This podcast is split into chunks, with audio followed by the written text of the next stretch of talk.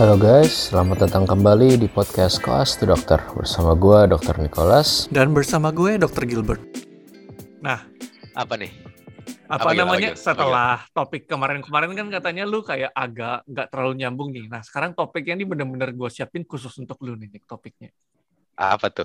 Eh, sebentar, bentar. Sebelum itu siapa bilang gue gak nyambung? Jir, kemarin kan kalau yang dengerin podcast kemarin tuh udah terbukti kan. Gue tuh yang paling go green sebetulnya di antara kita berdua, Gil. Ya udah gini aja, kalau misalnya disuruh milih lagi, lu mau milih recording yang kemarin atau recording yang sekarang? Ya, gue sih, gue sih nggak nggak nggak ada itu ya, nggak ada komentar ya kalau di bidang itu ya. Gue gue netral kok, gue netral. Oh. Kita semua podcast yang kita jalanin tuh gue selalu menikmati kok. Oh, lebih menikmati yang sekarang atau lebih menikmati yang kemarin nih? Setiap hari itu kan harus selalu lebih baik ya, Gil. Jadi kayak ya gue berusaha lebih menikmati yang hari ini lah. Gila, lu semakin berbicara kayak orang silom nih, ya. kayak lu sudah kembang embody culture silom gitu. lu lu lu gak tahu kan ini gue bentar lagi berkecimpung di dunia politik anjir Nicholas Gabriel Menkes 2040 anjir lu lihat aja Iya, iya, gue, ya gue lihat ini makin, makin lama makin hancur gitu nih. bahkan ini bahkan pertama kalinya ada guestnya yang langsung bisa nyeletuk nih saking mereka amazed ya anjir lu Gasnya udah gak tahan ngatain lu Gil. juga masalahnya nih. Udah, semua orang udah pengen ngatain itu masalahnya nih. Tapi ya udah, mampus lu anjing. tapi ya udah sema- daripada gas yang udah makin gak tahan lagi, mendingan lu apa namanya nih, lu bantu introduce mereka berdua deh nih. oke ini ini kan jadi temanya mungkin mungkin nanti Gilbert udah ngasih judul yang bagus gitu ya. Dalam pas masa perekaman ini sih belum ada judulnya. Gue nggak kebayang judulnya apa. Tapi intinya kita sekarang mau ngomongin tentang gym fitness dan mungkin strength training ya. Overall itu selama kita FK tuh gimana gitu kan ya. My my field of specialty nih. Nah Iya. sambil itu makanya gue ngundang dua teman gue juga yang gue tahu di FK walaupun di FK banyak juga sih yang gue kenal yang lain yang berkecimpung di bidang ini gitu. Tapi ya gue undang mereka berdua. Satu tuh masih koas yang satu baru selesai koas ya. Jadi Uh, kita sambut di koas satu dan uh, dok- calon dokter tinggal Ugdi satu lagi. Silakan memperkenalkan diri. Halo, halo, halo. Sebelumnya thank you Ko Niki sama Ko Gilbert udah panggil aku buat masuk ke podcast ini. Oh ya, sebelumnya perkenalkan diri, eh, aku ini eh, Kevin, nama saya Kevin. Aku ini angkatan 2016, aku baru selesai koas. Sekarang sih lagi nunggu KMPPD. Calon dokter satu. Nah, nih coba sekarang calon dokter satu nih calon dokter satu. Nah sekarang di koas satu gimana di, di koas satu? Oke ya. Gue belum kali itu udah dikatain anjir. Nggak kok, itu gue nggak ngatain ya. Gue cuma men- menyatakan fakta aja gitu kan. Kita semua melewati judul podcast aja koas tuh dokter yo. Jadi kayak lu menyelambangkan bagian koasnya gitu. Hmm. Gue dari pertama kenal lu, lu ketawa tuh berarti lu ngatain orang gitu gitu aja. Wah Gil, masa gue ketawa ngatain orang Gil, emang gue pernah ngatain orang Gil. Lu kan teman lama gue juga Gil, termasuk Gil. Gua sih, gua sih no comment aja ya. Gue sih suka melihat lu dibully sama koas nih kayak. ya udah coba kenalin diri Jir. Silakan kelas satu Aryo. Oke guys, Eh, jadi thank you udah ngundang ke podcast ini. Oke, jadi eh izin perkenalan diri teman-teman semua. Izin Terima kasih udah perkenalkan diundang ke podcast. Gila, kelas sejati. lanjut lanjut ya. Eh, nama nama gue Ari Wiratama Yuda, panggilannya Aryo. Saat gue angkatan 2016. Sekarang tuh gue masih koas karena efek COVID. Koas gue tertunda-tunda. Nice. Padahal angkatannya sama ya. Gue lihat-lihat angkatannya sama nih sama Kevin Lini. Gue kira lu VT. ya. Iya. Gue beruntung sekali berarti ini udah Karena udah selesai koas. Enggak, gini gini. Gini, kalian kampus kalian sistem koasnya bagus, rumah sakitnya banyak. Hmm. Oke. Kampus Eh, gua rumah sakit kita dikit. Rumah sakit kita nggak usah dikit. diharapkan. Rumah sakit kita mah dikit. Cuman bisa diandalkan aja gitu. Ini Nah itu. aku bahkan sejak Seja- sejak apa masuk itu bahkan cuman di Siloam doang sih nggak ke mana-mana. Nah, Nah itu itu. ya. Kalau gua, kalau gua asal comot kampus gua tuh, jadi gua bisa ditempatin di mana pun. Udah gitu pindah-pindah, banyak kosong dan lain-lain dah lah, nggak usah di. nggak Gila. Ini masih masih koas sudah berani talk shit sama kampusnya dia sendiri loh. Ini ini you know kita nggak bakal kita cut kan yuk. Gak apa-apa kan gua nggak sebut instansi, gua kan nggak sebut instansi, jadi ya sudah. Oh iya, Bener. gue lupa. Lu kan tinggal bokap lu bikin tangan juga kampus lu tunduk ya harusnya yuk. Anjir, anjir. Waduh, Stop, jam stop. Stop. Kampus, mi- kampus Stop. militer bokapnya jenderal gila gue baru Woi. ingat. Woi. Ya oke oke. Sebelum kita tambah off topic dan makin menjatuhkan Aryo, kita kita mulai aja topiknya itu kan gym gitu ya sebetulnya ya. Nah ini kalau kalian masing-masing itu tuh mulai mulai nge-gym maksudnya berkecimpung di dunia fitness atau mulai nge-gym mulai menyentuh steel menyentuh barbel itu tuh kapan deh gitu? Coba mulai dari ya siapa pun lah di antara kalian. Awalnya tuh tahun 2015 gue diajak sama temen gue buat ini doang sih buat eh, dia ngajak aja sih kayak bilangnya sih bentuk otot gitu. Ya ya udah gue ikut. Terus habis itu habis itu ya udah gue ikut kan Ah. sekali gitu dua kali di satu titik waktu itu gue awalnya eh, bisa gue sakit nih ceritanya nih doms biasalah. Aha. terus kayak gue awal tuh gue masih nggak serius kan terus bisa gue sakit. Terus kayak gue ngomong ke sama temen gue itu yang ngajak gue kayak eh, aduh gue nggak bisa nih hari ini nih ini bisa gue sakit banget nih gitu. Terus kayak temen gue kayak marah-marah gitu lah kayak dia ngerocks gue oh sejak saat itu gue langsung dia ya makanya safer banget sih. Sejak saat itu gue ya kayak marah ke diri sendiri. Jadinya gue malah sampai sekarang jalanin gitu Oh. Iya, mulai kenal kayak gue mulai lihat so- as- atlet atletnya siapa ya? Kayak. Steffi Cohen, terus eh Stevie Cohen. Iya Iya, tuh, dua-duanya dua-duanya yang gila-gila tuh. Kayaknya tuh kalau bagi yang mengerti sih.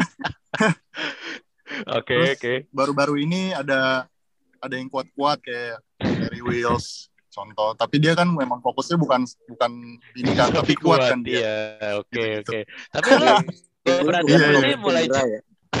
brand ambassador cedera. itu, itu, itu, itu. Gimana gimana gimana gimana? Larry Will sekarang brand ambassador cedera gitu. Iya iya. Nah, iya. tapi Kayaknya Gue perhatiin yang sebetulnya lu tuh berarti mulai gym itu pas FK ya? 2015 tuh masuk lu FK kan? enggak enggak 2015 2016 tuh dong. pas Eh. 2015 itu pas gue selesai ini selesai Oh, selesai SMA apa ya? namanya Atau selesai SMA iya ya, iya ya, oh iya pas selesai SMA ya, lu angkatan 2016 ya, Ah. lupa gue. iya Oh iya iya iya iya. Habis itu berarti pas sudah di FK sebetulnya lu udah mulai nge-gym ya. Cukup cukup early, cukup early. Kalau lu ya, lu Iya. kapan deh mulai? Gue lupa loh. Oke, kalau gue tuh mulai sebenarnya kelas 2 SMA. Ya, kelas Anjir, 2 paling SMA. Tapi Tapi tapi nggak bener. Kan lu iya, eh, jadi gimana ya? Dulu tuh gue pikir ketika gue datang ke gym itu gue harus menggunakan semua alat yang ada. ya tipikal lah ya, tipikal anak gym gitu baru datang ke gym kayak wah anjir katro gitu kan kampungan. Wah gue harus pakai Nah. nih semuanya. Oke oke. Terus terus. Gue nggak tak gue nggak tahu harus ngapain semua alat gue pakai dan gue latihan cuma seminggu sekali. Oke, full apa namanya? Itu namanya full body split deh. Jadi semuanya dilatih ya dalam satu Hai. hari. Gila Itu bukan hebat. full body sih, itu itu full apa? Full body shit.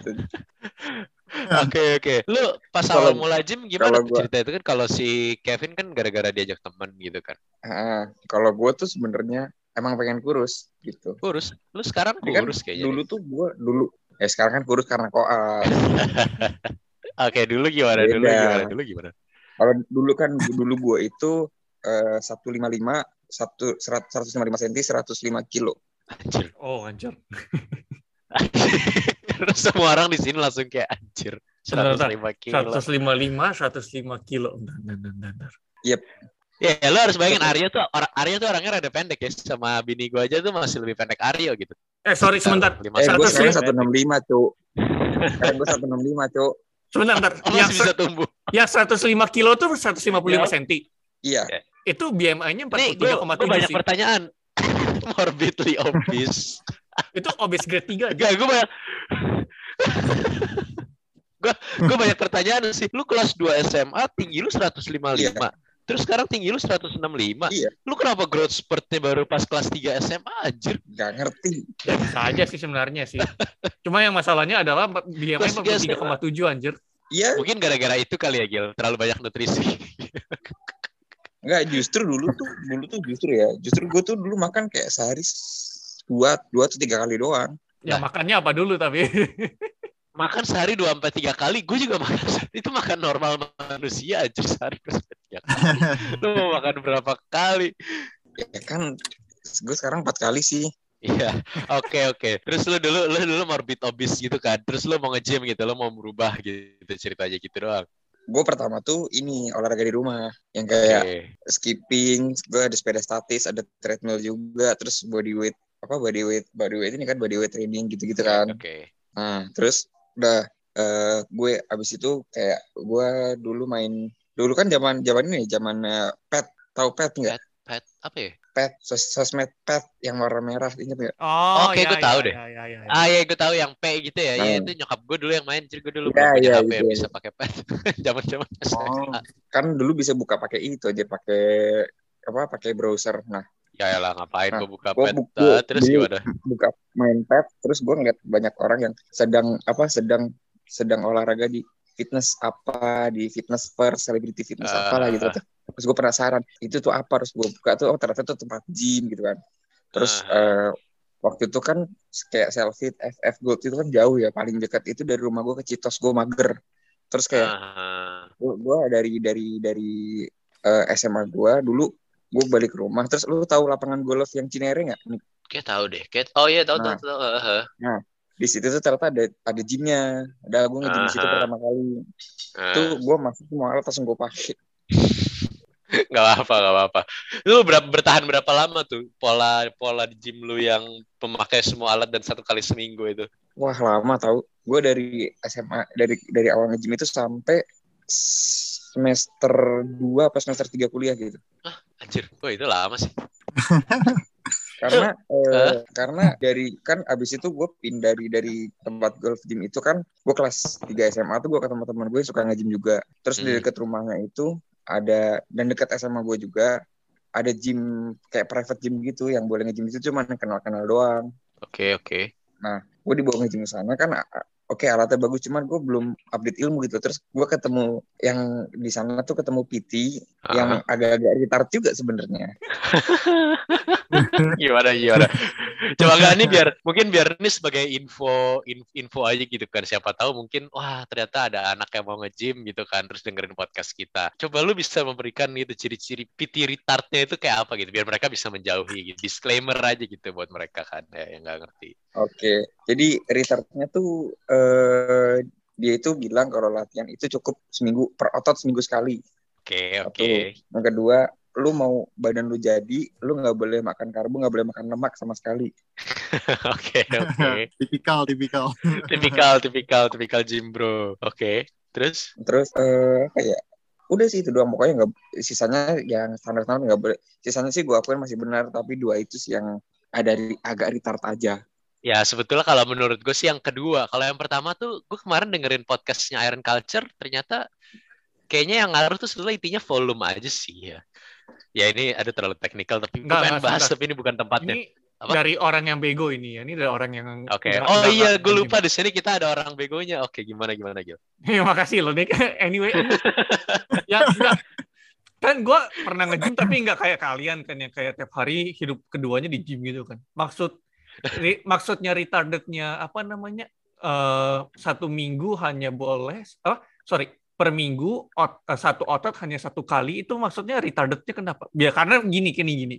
Konteksnya adalah biasanya kalau misalnya dulu gue nge-gym ya satu minggu Ah. misalnya ya chest day ya gue sehari aja gitu ntar leg day sehari gitu sisanya ya Nah, kalau enggak Iya. otot-otot lain kalau enggak ya rest days gue gitu kenapa Nah, itu retarded ah. gitu Nah, ya ini yang mau gue bahas tadi, Gil. Tapi gue gue gue tadi ha- ah, mau takut karena kayak takutnya ini terlalu teknikal gitu kalau gue bahas ini ya. Tapi ini sekedar na- informasi trivia aja nih kan berhubung menjelaskan ke Gilbert juga yang mewakili orang-orang lain. intinya Ya. aja kayak orang bego lu jelasin ke orang Iya. bego gitu intinya apa Intinya, jadi kalau berdasarkan ilmunya, jadi kayak keilmuannya, itu tuh sekarang penelitian terbaru, setiap otot itu bagus kalau dilatih minimal dua kali seminggu, Gil, gitu. Jadi kalau zaman dulu tuh kita nyebutnya tuh bro split itu yang jadi setiap minggu, jadi satu hari, satu hari ini arm aja, satu hari berikutnya leg aja, satu hari berikutnya chest aja gitu. Kan maksudnya tuh seminggu sekali tuh kayak gitu. Nah itu kenapa dibilang retard? Karena kalau misalnya sebagai seorang PT, harusnya tuh ngomongnya tuh yang paling optimal itu tuh bukan seminggu sekali doang gitu, tapi emang optimalnya kalau bisa lebih dua dua atau lebih gitu. Nah itu nanti latihannya dibagi-bagi. Walaupun memang di penelitian yang terbarunya juga itu tuh bisa kita sebetulnya latihan itu cuma satu otot satu kali per minggu. Cuman emang volumenya harus banyak. Cuman emang jadi banyak eh, kekurangannya gitu. Kekurangannya salah satunya di akhir-akhir di akhir-akhir workout itu lu bakal udah capek dan lu nggak efektif Efektif. gitu ngelatih anggota badan itu gitu. Jadi, Iya. Misalnya nih, gua main Ah. biceps misalnya kan. Biasa Hmm, anggaplah hmm, misalnya gua main biceps misalnya misalnya ada kayak lima Hmm. lima lima workout gitu kan lima different workout gitu. Hmm, Jadi hmm, hmm, maksud lu di split dua kali itu artinya yang lima ini gue ngulangin dua kali per minggu atau lima ini gue bagi tiga dua gitu.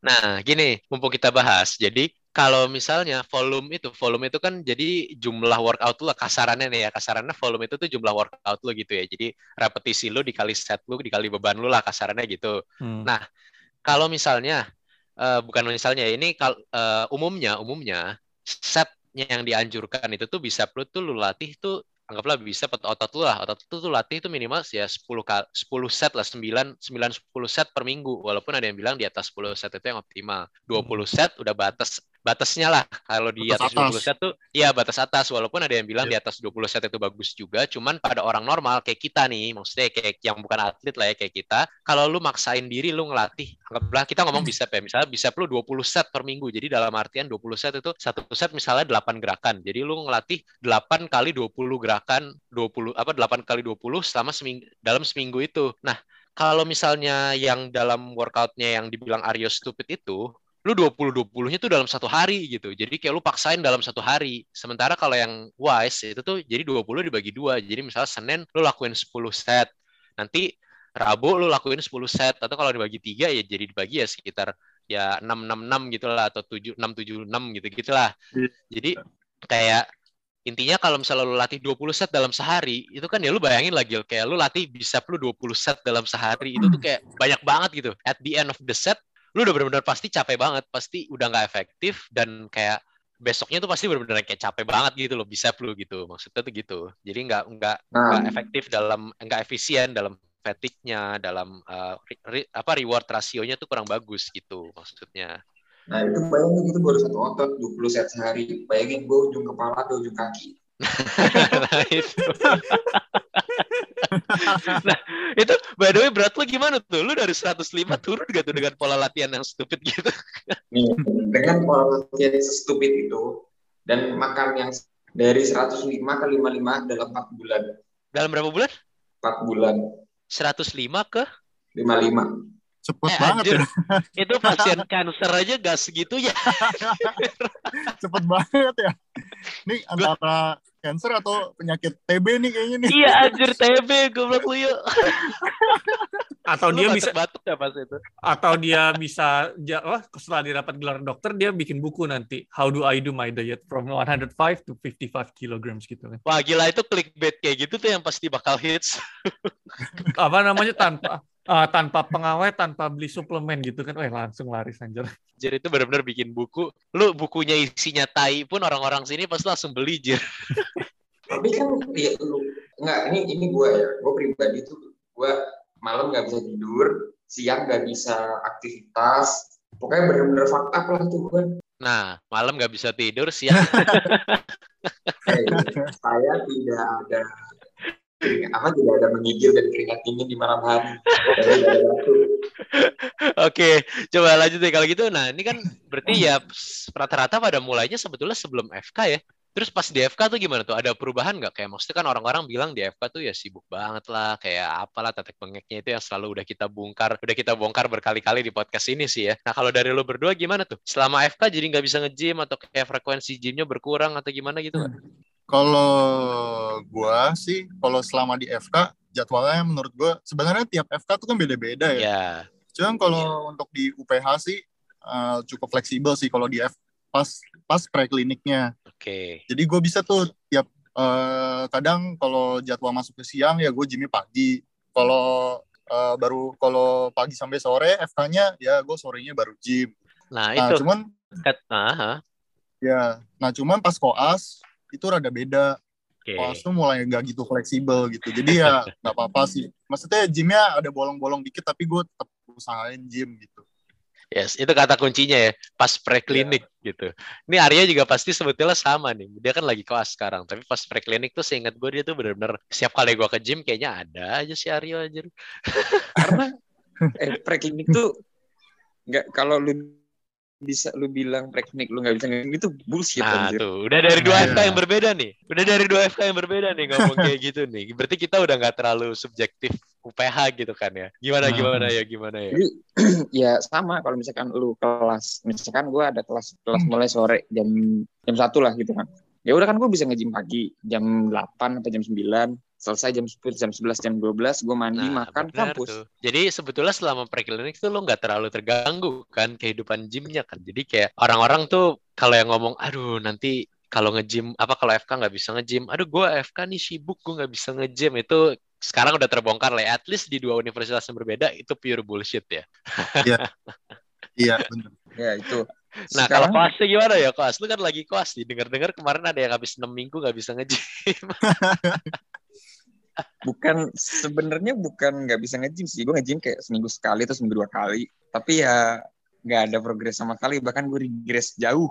Tapi tetap aja masih bisa nge-gym. Iya.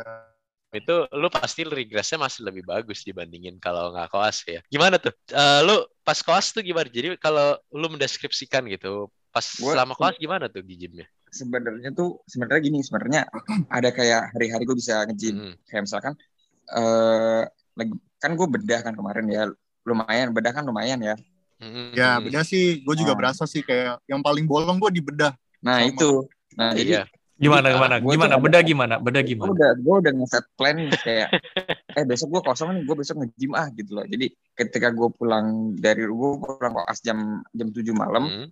gue tuh niatnya kayak tidur bentar deh eh, setengah jam atau satu jam itu jam 8 latihan jam 10 pulang balik kosan 14 sampai jam 3 pagi Namanya terlalu capek itu, terlalu capek. Tapi sebenarnya bukan alasan sih ya nggak, tapi gue udah kan, kan kita sama-sama UPH nih. Kok kalau gue pas itu bedah tuh, kecuali pas lagi ikut dokter tertentu yang pulangnya jam 1, follow up jam 4 pagi itu ya. Tapi selain itu bedah tuh cukup enak nggak sih sebetulnya buat jadwal gym? In my opinion ya. Eh, iya sih. Tergantung dokternya sih. Gue waktu itu dapat dokter John. Pulangnya malam terus. hey. Hey, gak apa, gak apa. Ini kan kita nggak kita nggak menjelekan, kita ngomong, kita ngomong. Enggak, enggak. oh ya udah Iya, iya. Iya, maksudnya ada eh, dokter yang pulangnya malam gitu kan. Ah. Jadi ya udah gitu. Sebenarnya sih emang eh, emang prioritas kita tuh tetap tetap Ah. pendidikan sih gitu. Sebenarnya. Ya, tapi ya tetap aja kalau misalkan ada bener-bener ada waktu luang ya dimanfaatkan gitu buat Bener gym. sih, dan kayak dulu tuh sebetulnya kayak bisa, gue bisa lebih konsisten pas koas karena emang di kos juga nggak ada kerjaan gitu kan. Jadi kayak keluar ke gym tuh lebih enak gitu kalau dibandingin di rumah yang banyak fasilitas sebetulnya sih ya. Selain baca Tapi- manga sama coli maksud Oh dokter. Oh ya tentu beda. itu itu sebelum tidur itu Nah, ritual. Lu bayangin gue waktu gue waktu 105 ke 55 kilogram itu sampai nggak bisa. Kehabisan bahan, kehabisan bahan.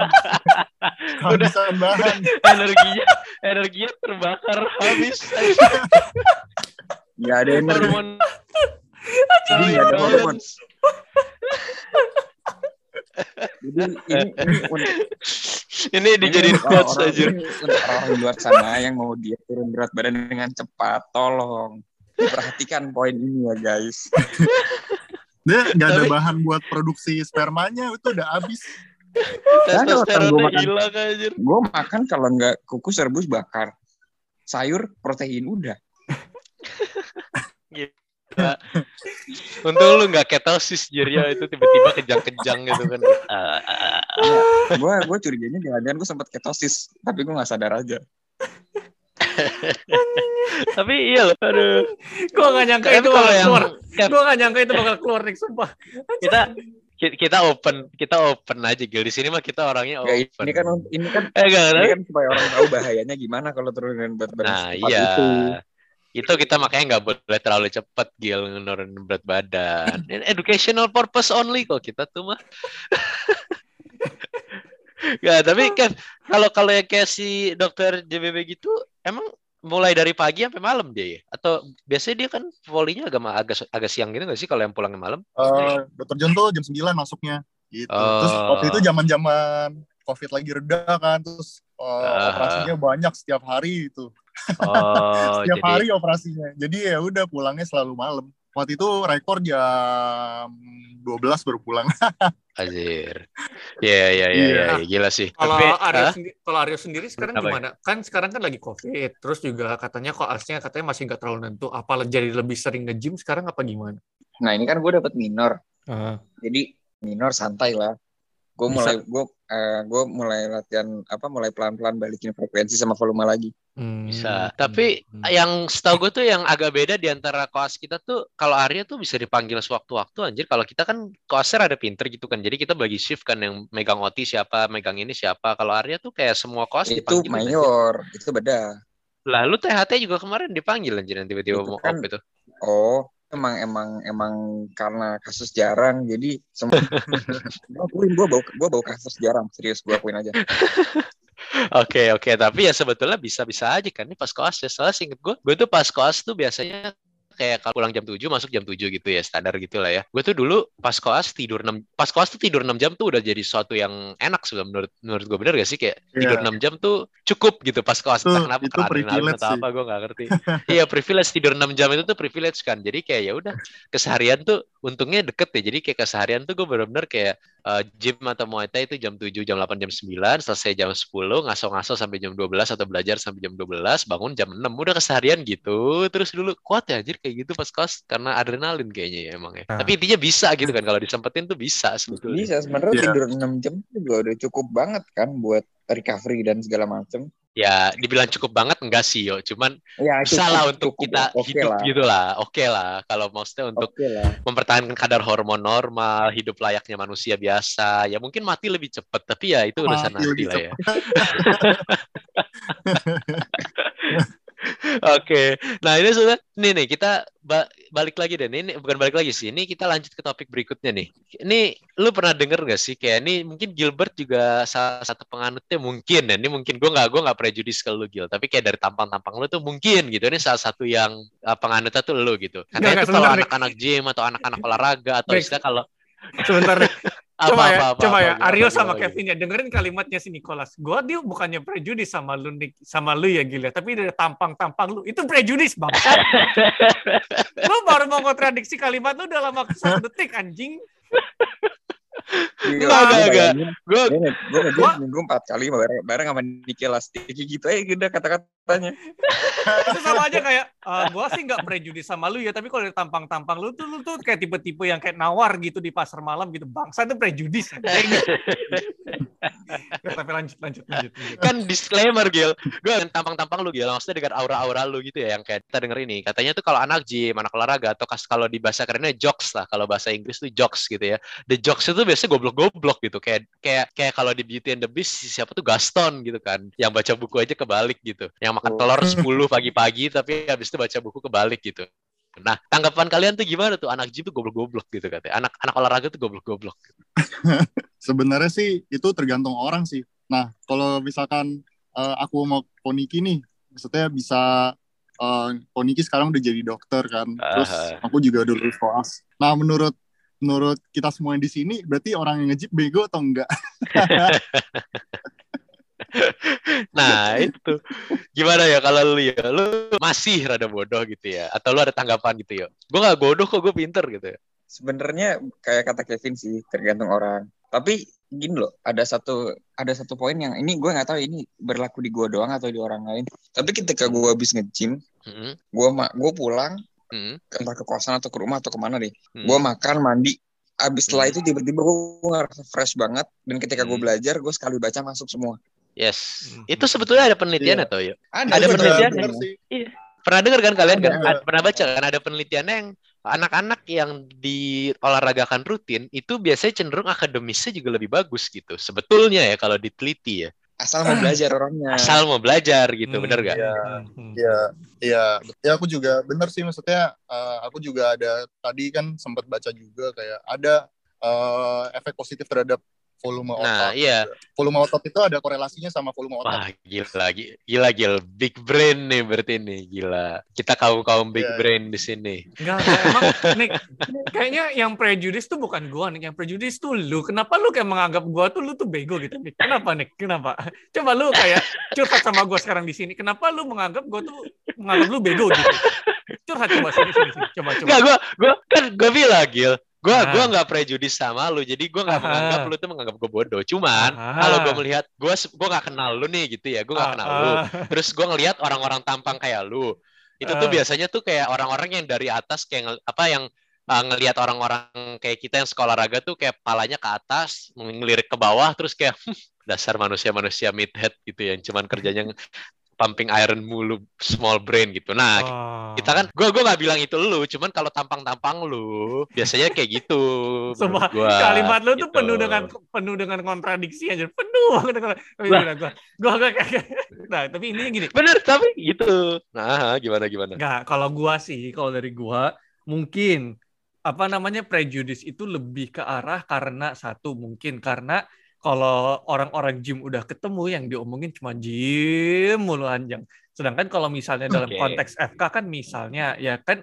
mereka peranggapannya FK tuh harus ngomongin FK related nggak harus nggak harus pelajaran tapi maksudnya kayak organisasi kah atau apa misalnya gitu itu satu yang kedua Ah, ah, ah. bagi orang-orang yang nggak nge-gym, yang nggak olahraga rutin misalnya, nge-gym itu kan sesuatu yang Mm-mm. kayak capek kan, physically itu kan kayak demanding banget kan. Kayak kita nganggapnya tuh Mm, kayak, mm, mm. oh lu pada segala macam apa namanya angkat beban segala macam gitu-gitu, pulang pasti udah capek. Jadi kayak waktunya itu tuh sudah dihabiskan semua di gym, pulang tidur nggak belajar. Jadi mungkin itu, mungkin, mungkin itu tuh kayak Hmm. suatu persepsi yang dibentuk oleh orang-orang yang nge-gym terhadap orang-orang anak FP yang nge-gym. Mungkin. Apalagi kalau koas kan kayak iya ada iya. cerita sendiri, Nah, koas aja itulah, udah itulah pentingnya volume apa volume management, fatigue management, stress stre- apa stress control, eh, Nah ini nih kalau udah ngomongin teknikalnya gitu. Tapi gimana? Jadi bener.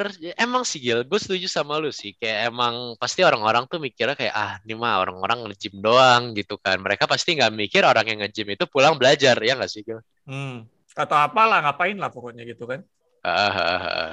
Nah, jadi kayak mungkin itu ya sebetulnya sih untuk meluruskan aja gitu ya. Emang sih, gue harus akuin juga banyak orang-orang yang nge-gym yang emang goblok gitu, yang emang meathead, yang emang bener-bener nggak mau belajar, kerjanya pumping iron doang, yang ya gitulah yang bener-bener kayak kalau kita ngomong caveman deh caveman gitu yang emang cuman pakai otot doang ada juga. Jadi sama kayak kita tuh kan kayak sekali lagi ya Gil gue bilang Gil kita nggak boleh prejudis gitu kan ya. Jadi kayak mungkin gue ngelihat jadi nggak semua nggak semua orang yang bentukannya kayak Gilbert itu ngejudge dan nggak Iya, semua orang yang nge-gym itu tuh goblok gitu kan. Nah jadi Iya. kayak kita kita open minded aja gitu. Jadi sekarang ini pesan gue gitu maksudnya Gil kita harus menjadi open minded Gil Iya.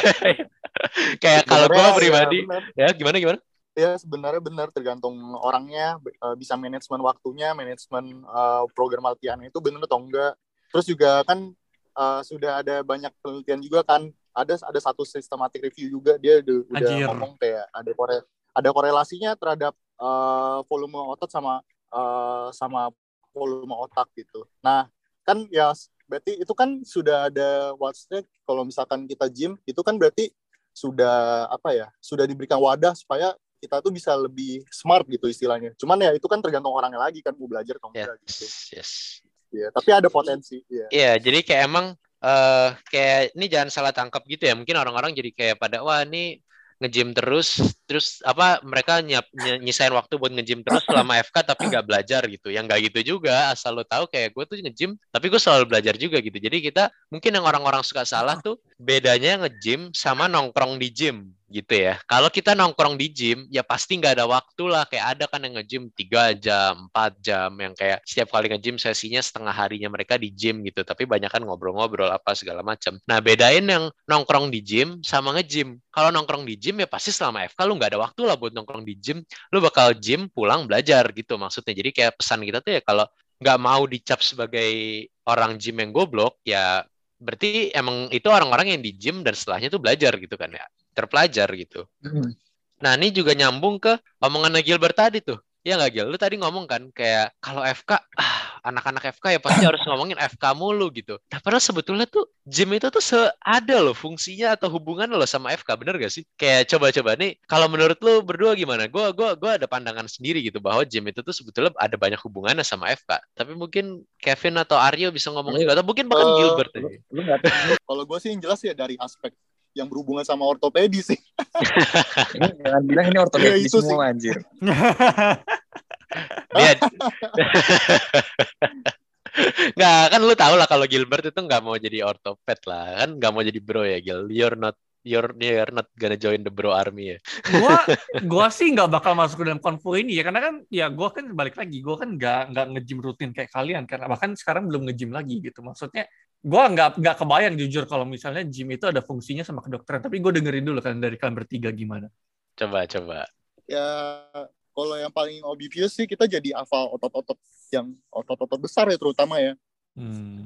Yang bisa kelihatan gitu ya. Yang bisa Terutama kelihatan. yang bisa kelihatan. ya kan terutama tuh pas lagi anatomi tuh lagi anatomi lagi stase anatomi tuh kan pasti kan ditanya-tanya tuh tentang otot-otot besar tuh Iya iya, biasanya anak gym tuh jadi lebih tahu gitu. An yang lain-lain masih pada cengok-cengok, kita udah tahu wah latissimus dorsi, pectoralis major, yang mungkin pectoralis minornya Iya. nggak tahu gitu kan. Tapi kita tahu wah quadriceps, ya vastus lateralis, vastus medialis, sartorius, oh tahu gitu semuanya. iya Tapi begitu iya. ditanya, ini infraspinatus, supraspinatus, hah?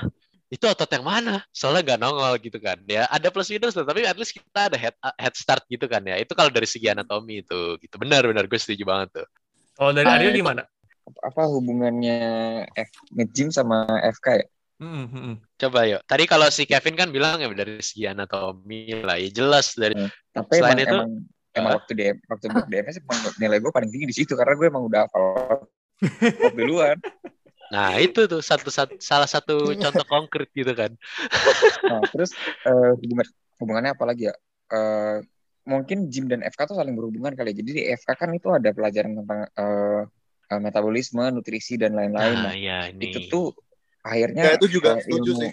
ilmu metabolisme dan nutrisi itu gue pakai di eh, gym dan ya lumayan membaik lah Itu setelah gue mengaplik mengaplikasikan ilmu FK di gym. Iya kayak maksudnya ilmunya tuh bisa dua dua jalur loh. Jadi kayak bisa di satu sisi di FK belajar tentang nutrisi dan sejenisnya terus kita terapkan di gym kayak Aryo atau karena kita anak gym, gym tuh anak gym tuh biasanya pasti otomatis belajar lah tentang nutrisi kalau lu rada serius sama gymnya ya. Pasti belajar tentang nutrisi gitu. Dan kayak justru ilmunya itu yang kepake selama FK bener gak sih? Kayak untuk edukasi untuk uh, belajar bab metabolisme semua tuh kepake lu pas lagi masih preklinik gue bisa lebih ngerti tentang komposisi protein karbohidrat lemak dibandingin sama beberapa dokter umum yang udah yang gue tahu gitu kan. Bahkan sekarang selama gue udah jadi dokter umum pun jadi kayak ilmu ini tuh masih tetap kepake dan berkembang terus gitu kan kalau dari segi nutrisi. Iya gak sih? Nah selain itu kalau gue pribadi ya ini yang gue baru temukan fungsinya setelah gue selesai FK sebetulnya sih kinesiologi biomekanik jadi kayak strength training dan kalau gue nggak tahu ya kalau di FK tuh soalnya gue Kevin sama Gilbert tuh kita nggak ada pelajaran biomekanik kinesiologi tuh nggak ada Itu- kita sama sekali ya Justru itu juga itu, ya, itu juga ilmu kan baru kan di dari kalau di sini kan ilmu Nah, itu.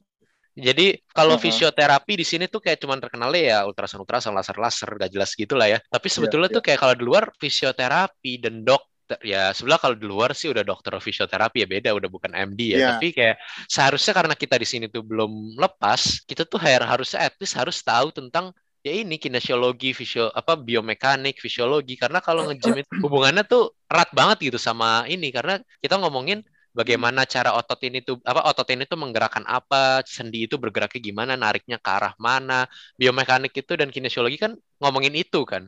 Dan Ya, kayak kita baru ngerti, gua sendiri baru ngerti pengaruhnya di FK tuh kayak dulu tuh jujur ya selama gua FK dan kayak selama koas sudah lewat stase bedah yang orto pun Mm-mm. kayak kalau ada orang datang ke gua sakitnya tuh sakit yang eh, kita ngomongnya ya eh, postural pain atau kayak ya sakit-sakit yang karena muscle tightness gitu lah ya itu tuh Hmm. Gak ngerti gue gue gak ngerti kayak gue bener-bener apa ya ini? Kayak misalnya orang pegel aduh dok ini sakit nih di sini nih. Kayak misalnya eh sakit di ya kita anggaplah yang paling yang salah satu yang paling sering lah ya sakit di ini di punggung bawah gitu kan ya punggung bawah atau di dengkul gitu kan. Kayak sakit di sini tapi pas kita selama kita kuliah FK itu kan kita taunya ya kalau nggak osteoartritis HNP atau sejenis-jenisnya gitu ya kita nggak pernah diajarin bahwa pergerakan otot yang salah, postur yang salah, otot yang lagi kaku itu tuh bisa bikin sakit-sakit ini juga gitu kan. Nah, Iya bisa. Ini tuh gue malah taunya tuh pas gue lagi nge-gym gitu. Jadi pas lagi gym gue pelajarin belajar tentang sebagai menjadi PT, belajar lebih dalam lah tentang gym-gym dan kayak pas gue sakit-sakit tentang gym gue cari-cari ternyata emang nggak semata-mata semua sakit otot itu tuh ada, semua sakit-sakit yang kita rasain tuh ada kesalahan strukturalnya tuh. Bisa aja karena emang ada ototnya yang disorganisasi gitu yang kayak lagi tight atau mungkin lagi gimana. Nah itu semua tuh nggak pelajarin di FK tuh. Itu malah gue pelajarin pas lagi Iya. gym. Bener gak sih Kev? Atau mungkin sih, juga sama- sendi. Nggak semua penyakit sendi itu karena degeneratif atau infeksi. Bisa aja kan karena gerakan yang salah impeachment. Yes dan Iya. ini yang nggak pernah dibahas kan ya di FK Indonesia terutama ya. Iya. Banyak belajar dari kalau di dunia uh, sosial media gym itu Mm-mm. itu kan ada banyak banget tuh fisio fisioterapi fisio fisioterapi yang sports fisio gitu Yes. nah gue belajar banyak dari mereka sih ya ya ya ya kayak eh, jujur ya ilmu yang gue pelajarin dari ya fisio gitu yang gue jadi kan karena gue sakit di gym dan karena gue ngeliat videonya segala macam gue jadi belajar juga tertarik dengan fisioterapi fisioterapi olahraga gitu kan dan kayak jujur pas Iya. selama gue puskesmas itu tuh banyak penyakit penyakit yang sama dokter-dokter lain disuruh gue kan di puskesmas itu sebagai di poli rujukan ya. Jadi poli rujukan tuh kalau ada yang sakit harus dirujuk ke ortoped atau ke mana itu ke gue dulu gitu. Nah pas gue cek di poli rujukan itu mereka tuh mau dirujuk karena katanya HNP katanya saraf kejepit. Karena dia ada is ada iskiadik ada ischialgia ada sciatic pain. Jadi sakitnya di punggung ngejalar sampai punggung pantat ngejalar sampai ke bawah. Kita sama di FK kalau kayak gitu emang pasti pasti bang karena HNP nggak pernah diajarin Iya. penyebab lain gitu kan Padahal pas gue pelajarin yang fisioterapi, ternyata itu tuh yang sering juga tuh karena piriformis syndrome gitu salah satunya. ya Karena ototnya Karena ototnya kaku, dia sarafnya kegencet, terus jadinya menjalar. Dan ada beberapa pemeriksaan yang mengarah ke arah situ gitu. Kayak kita pencet Iya. di daerah piriformisnya sakit dan sebagainya macam. Itu gue taunya bukan dari FK, gue taunya karena gue nge-gym. Dan gue bisa praktekkan di puskesmas banyak pasien-pasien yang ternyata tuh dibilangnya HNP, ternyata piriformis gitu. ya Banyak banget itu. Dan itu kan laksananya beda banget gitu ya ya betul itu tuh sih kalau menurut gue yang kayak sebagai Hmm. anak gym yang kayak eh, pengaruhnya fungsinya selama gue kedokteran selama kedokteran kenapa gue bilang kayak ini cukup penting gitu at least ya kalau nggak suka nge-gym ya at least tahulah ilmunya gitu kan ya atau yang kalau misalnya masuk ke nge-gym ya itu jadi keuntungan buat kita jadinya sebagai dokter gitu benar nggak sih kita bisa praktekkan buat kehidupan sehari-hari ya, ya. Aha, buat gimana? sehari-hari ilmunya Rani. bisa kita pakai buat praktek jokes Aha. jokes gua stupid aja. Lu mau tau- maksudnya gimana ya? Kalau di puskes lu mau tahu penyebabnya apa? Ujung-ujungnya tetap sama terapi gua sama asam 4 3 kali 500. Bye bye.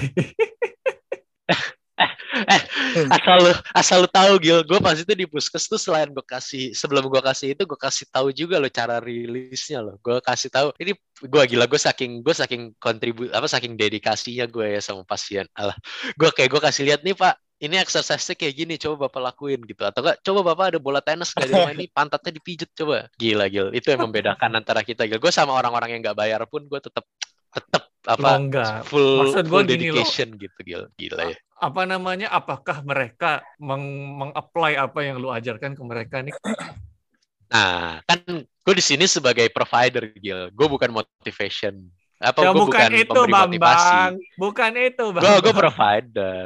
Jadi jika orang itu mau menolong dirinya sendiri, maka gue memberikan cara bagi mereka untuk menolong dirinya sendiri. Karena kalau dari yang mereka kasih ke gue, mereka tuh menderita banget loh. Cuman karena se- sekedar piriformis syndrome yang sampai mereka tuh mau berdiri aja tuh susah gitu. Dan kayak mereka pasti mikirnya kan mau dioperasi dan segala macam dan kayak BPJS pasti lama segala, kalau misalnya pun benar harus dioperasi BPJS pasti lama. Nah gue memberikan mereka kayak ya siapa tahu lu sembuh dengan ini gitu loh. Kalau mereka mau ngelakuin ya berarti Iya. good for them kalau mereka nggak mau ya at least I've done my job. Gue memberitahu bicaranya tuh gimana gitu. harus diedukasi sih. Soalnya kebanyakan itu musculoskeletal problem itu kalau misalnya kita kasih anti nyeri itu biasanya dia masking doang memasking problemnya doang. Nah iya itu. Gitu. Tapi nggak nggak nggak apa namanya nggak nge-solve problem utamanya gitu. Yes exactly. Makanya Gil itu jadi midhead dikit boleh Gil. Ini gua goblok tapi kalau memang dia piriformis syndrome, emang nggak bisa membaik dengan Ah. steroid atau eperison gitu ya? Eperison bisa menolong, cuman lebih eh apa kalau misalnya lu bantu dengan rilis manual itu bisa jauh lebih cepat dan biasanya lebih komplit karena kalau eperison doang biasanya nggak terlalu yang hilang langsung hilang terus gitu loh Gil. Dan biasanya kalau yang piriformis syndrome ya karena ada kesalahan postur sekali lagi jadi kayak lu ada tata laksana yang harus lu lakukan sekarang dan ada perubahan dari perilaku yang harus lu lakuin juga gitu dan ada mungkin penguatan-penguatan otot yang harus lu lakuin juga sebetulnya gitu. Hmm, Oke lah, tapi itu udah melenceng kali ya. Wah, gua dari gua Ya. nih ya, gue paling mau nanya Aryo sama Kevin satu pertanyaan terakhir paling. Kan background gue adalah dari anak FK yang gunner, yang kalau gue dilempar balik ke FK, gue akan bilang sesuai kata Aryo, kan bullshit kalau misalnya nggak mungkin nggak ada waktu untuk nge-gym. Kalau dari retrospektif iya setuju. Cuma kalau misalnya dari orang-orang yang sekarang nih, sekarang banget menganggap ya nggak mungkin lah nge-gym anjir gue anggaplah sebelum covid ini aja gue masih organisasi megang dua belajar belum sempat belum lagi me time segala macam gitu-gitu. Ada nggak saran tips and trick bagi mereka yang kalau misalnya kalau kalian satu kan mau turunnya berat badan satu dipaksa temen. Yang misalnya nggak ada motivasi apa-apa kecuali memang pengen mencoba gym gitu. Kayak nggak ada motivasi lain gitu cuma pengen coba aja gym pengen aja kayak adopt a healthier lifestyle gitu dengan cara nge-gym misalnya. Ada nggak saran atau tips and trick bagi mereka yang ingin mulai gitu? Ingin mulai coba masuk ke gym gitu. Ada nggak? Saran, jadi uh, saran gue buat orang orang-orang yang spesifik apa pun deh, jangan nggak FK doang karena sibuk itu kan subjektif kan. Hmm, hmm. Oke. Okay. Uh, mulai mulai aja pelan-pelan uh, ya apa 3 sampai 5 set per 3 sampai 5 set per otot terus splitnya juga kalau bisa uh, full body tapi ya udah set ya tadi setnya cukup 3 sampai 5 set per otot.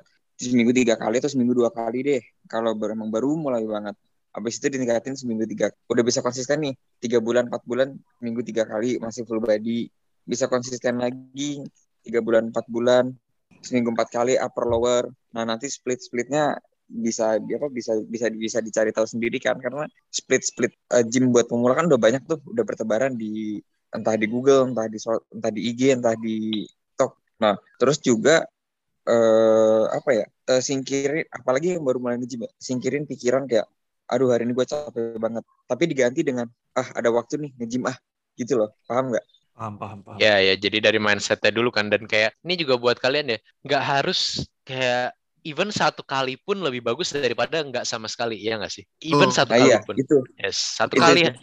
satu kali aja tuh lebih bagus dibandingin nggak sama sekali gitu saya kok Astas Sebeda sudah mengakui sama seminggu satu kali itu udah lebih baik yes yes exactly nah tapi kalau misalnya nih kalau misalnya kayak orang-orang kayak gue yang bener-bener nggak ada drive sama sekali. Misalnya gue mikirnya kayak, duh kalau nge-gym kan harus lama. Bener gak sih kalau nge-gym tuh harus lama gitu? Supaya bisa dapat hasilnya enggak. gitu. Enggak. Enggak gym lama atau sebentar tuh kan tergantung tujuan lu gimana tergantung yes. maksudnya tergantung jumlah volume latihan juga mm -hmm. uh, sama goals lu tuh apa? Kalau goals lu cuman ingin menjadi sehat lu nggak perlu latihan lama. Dua jam satu setengah jam satu jam dua jam tuh udah cukup. Bahkan enggak kalau gue bahkan kalau lu cuman mau sehat 45 menit cukup kok ngejim gue cukup 45 menit ngejim 45 menit satu setengah jam tuh udah menurut gue udah lama ngejim loh. Beda ya kalau Arya tuh emang latihannya lama soalnya. Dia tuh suka suka istirahat antar setnya lama dia males. Tapi kalau gue, hey, gue itu cuman... namanya powerlifting berbeda. ya tapi itu, ya itu ya, jenis latihan Aryo kan orang nggak ngerti ya kalau gue bilang powerlifting ya. Jadi kayak gue ngomongnya kayak bagi itu beda jenis latihan. Tapi kalau emang cuma mau sehat, mau badan lebih bagus, kayak lebih berisi, 45 menit cukup sekali latihan. Maksimal satu setengah jam tuh udah cukup banget kok. Iya. Iya gak sih? Betul banget. Yes. Dan gak harus gak harus latihan beban. gak harus latihan beban loh sebetulnya ya nggak apa-apa lah mulai dari jogging dulu lah lari dulu. Nanti habis dari lari ya squat squat push up gitu ya Kev? Ya maksudnya ya kalau mau mulai sih sebenarnya nggak perlu yang perfect banget gitu loh kayak dari apa pun itu pokoknya lebih ya. baik dibandingin nggak sama sekali kan? Iya bener. Nah uh, kalau kalau dari aku sih ya paling bela mulai belajar manage waktu sih. Kayak uh, lo harus tentuin prioritas lo kayak terus uh, jadi uh, jadi lu akhirnya bisa membuang yang eh, hal-hal uh, yang yang wasting time gitu loh. Jadi kayak yang mm-hmm. lu lakuin tapi benarnya percuma gitu. Nah sehingga akan lebih banyak waktu buat gym itu satu. Terus kedua uh, yang tadi gue bilang sih nggak perlu yang ini banget lah. Maksudnya yang perfect banget kayak setiap otot kecil dilatih gitu. Ya mulai dulu di uh, yang kayak tadi Aryo bilang tiga tiga kali sampai dua kali sehari full body. Yes, jadi ya yeah. pelan-pelan start start pelan -pelan. start small gitu kan. Nah, yeah. dari pengalaman gue nih ya satu lagi. Salah satu uh, yang bikin orang nggak mau nge-gym itu adalah karena minder. Maksudnya gini, kalau misalnya dalam case Aryo, dia dulu kan over uh, obese banget. Kalau gue dulu itu gue congkring banget. Sedangkan kan mindset kita adalah orang-orang yang di gym itu adalah orang-orang yang sudah buff, udah healthy, udah fit segala macem.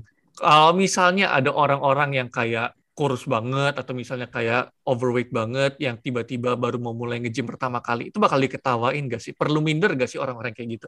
Ya sebenarnya sih gak perlu dengerin komen orang. Maksudnya kan uh, ini kan sebenarnya bisa dijadikan motivasi. Kayak lu tunjukin bahwa lu bisa gitu. Hmm. Yes, kalau ini Oh, tuh ngomongin gym intimidation sebetulnya kalau kita bahasa Gue keren ya. Dan itu Dari kayak ya waktu masih 105 kilo, jujur ya, gue gak pernah dikatain orang sih. Hmm. Iya. Iya. Iya, itu sebetulnya banyak kan karena orang takut aja gitu dan gym tuh harusnya biasanya kalau gym yang bagus ya kalau ada yang nge-gym ada yang nge-intimidasi pemula ya biasanya sih bakal di harusnya bakal ada yang negur sih karena ya Ah. eti, nggak etis gitu kalau kita sebagai orang-orang yang gym. Karena jujur dari pengalaman gua, selama gua masuk gym, gak ada yang pernah ngatain gua kok lu kurus banget. Justru gua di, dikata-katain gitu di FK anjir. FK lebih toksik daripada gym. Jujur, jujur Yes. itu pengalaman gua. Gym itu selama selama lu nggak aneh-aneh mereka juga nggak bakal ngapa-ngapain gitu mereka juga nggak bakal ngatain lu gitu kecuali lu ah, udah udah kecil songong. Hmm, hmm, hmm, Iya. hmm. Iya. Yang penting tuh nggak nggak nyebelin terus main your own fucking business sih. Itu udah akan Udah itu aturan aneh-aneh lah ah, aturan semua orang di gym gitu kok. Hmm, hmm, hmm, hmm. Oke, tapi maksudnya episode kali ini memang kita canangkan untuk bagi orang-orang yang anak FK atau emang bukan nggak harus anak FK lah yang udah sibuk dengan kerjaannya dokter gitu misalnya yang dulunya nge-gym udah nggak punya waktu atau bahkan yang mau mulai gitu kan. Karena ya oke nggak perlu nge-gym lah maksudnya uh, adopt a healthier lifestyle gitu kan. Itu juga penting terutama di masa-masa kayak gini. Jadi maksudnya adalah dengan dari Aryo dan dari Kevin mungkin sudah tersadarkan kembali atau mungkin jadi lebih termotivated untuk mulai untuk nge-gym lagi ya kan Nick? Yes, benar sekali. Terutama- Paling nggak ya seminggu sekali lah. Mm, terutama kalau misalnya ngomongin sama Nicholas kan ya udah panjang tuh ceritanya. Dia kalau misalnya edukasi pasien DM tuh satu kalimat. Itu kalau misalnya pasiennya nanya nge-gymnya gimana dok? Wah, itu satu paragraf, satu jam sendiri dia bisa. Jadi memang Dan agak di, nutrisi juga pasti nutrisi Hmm, pasti satu paragraf juga. iya juga itu.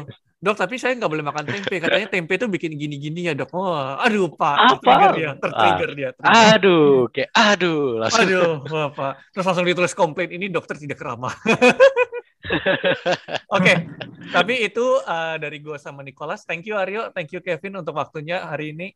Ya sama-sama kok. Thank you, thank you, and we'll Yoi. and we'll see you guys soon. Bye. Dan jangan lupa juga untuk mengunjungi website kami di koas2doctor.com, k o a s angka 2 d o c t o r.com. Instagram kami di @koas2doctor dengan spelling yang sama atau kalian juga dapat berkomunikasi dengan kami via email di koasdoct@gmail.com. Saya ulangi koasdoct@gmail.com. Bakalan sangat membantu juga kalau kalian men-share podcast kami atau memberikan review di platform mana pun saat kalian mendengarkan podcast ini. Dan juga kalau mau bisa di follow account Instagram kami semua. Seperti kalau Gilbert ada di @gilbertsterling, @nicholasgabriel dan juga akun kedua saya terutama yang membahas mengenai kesehatan dan fitness di @sehatisasi. But otherwise, we'll see you guys soon. Bye.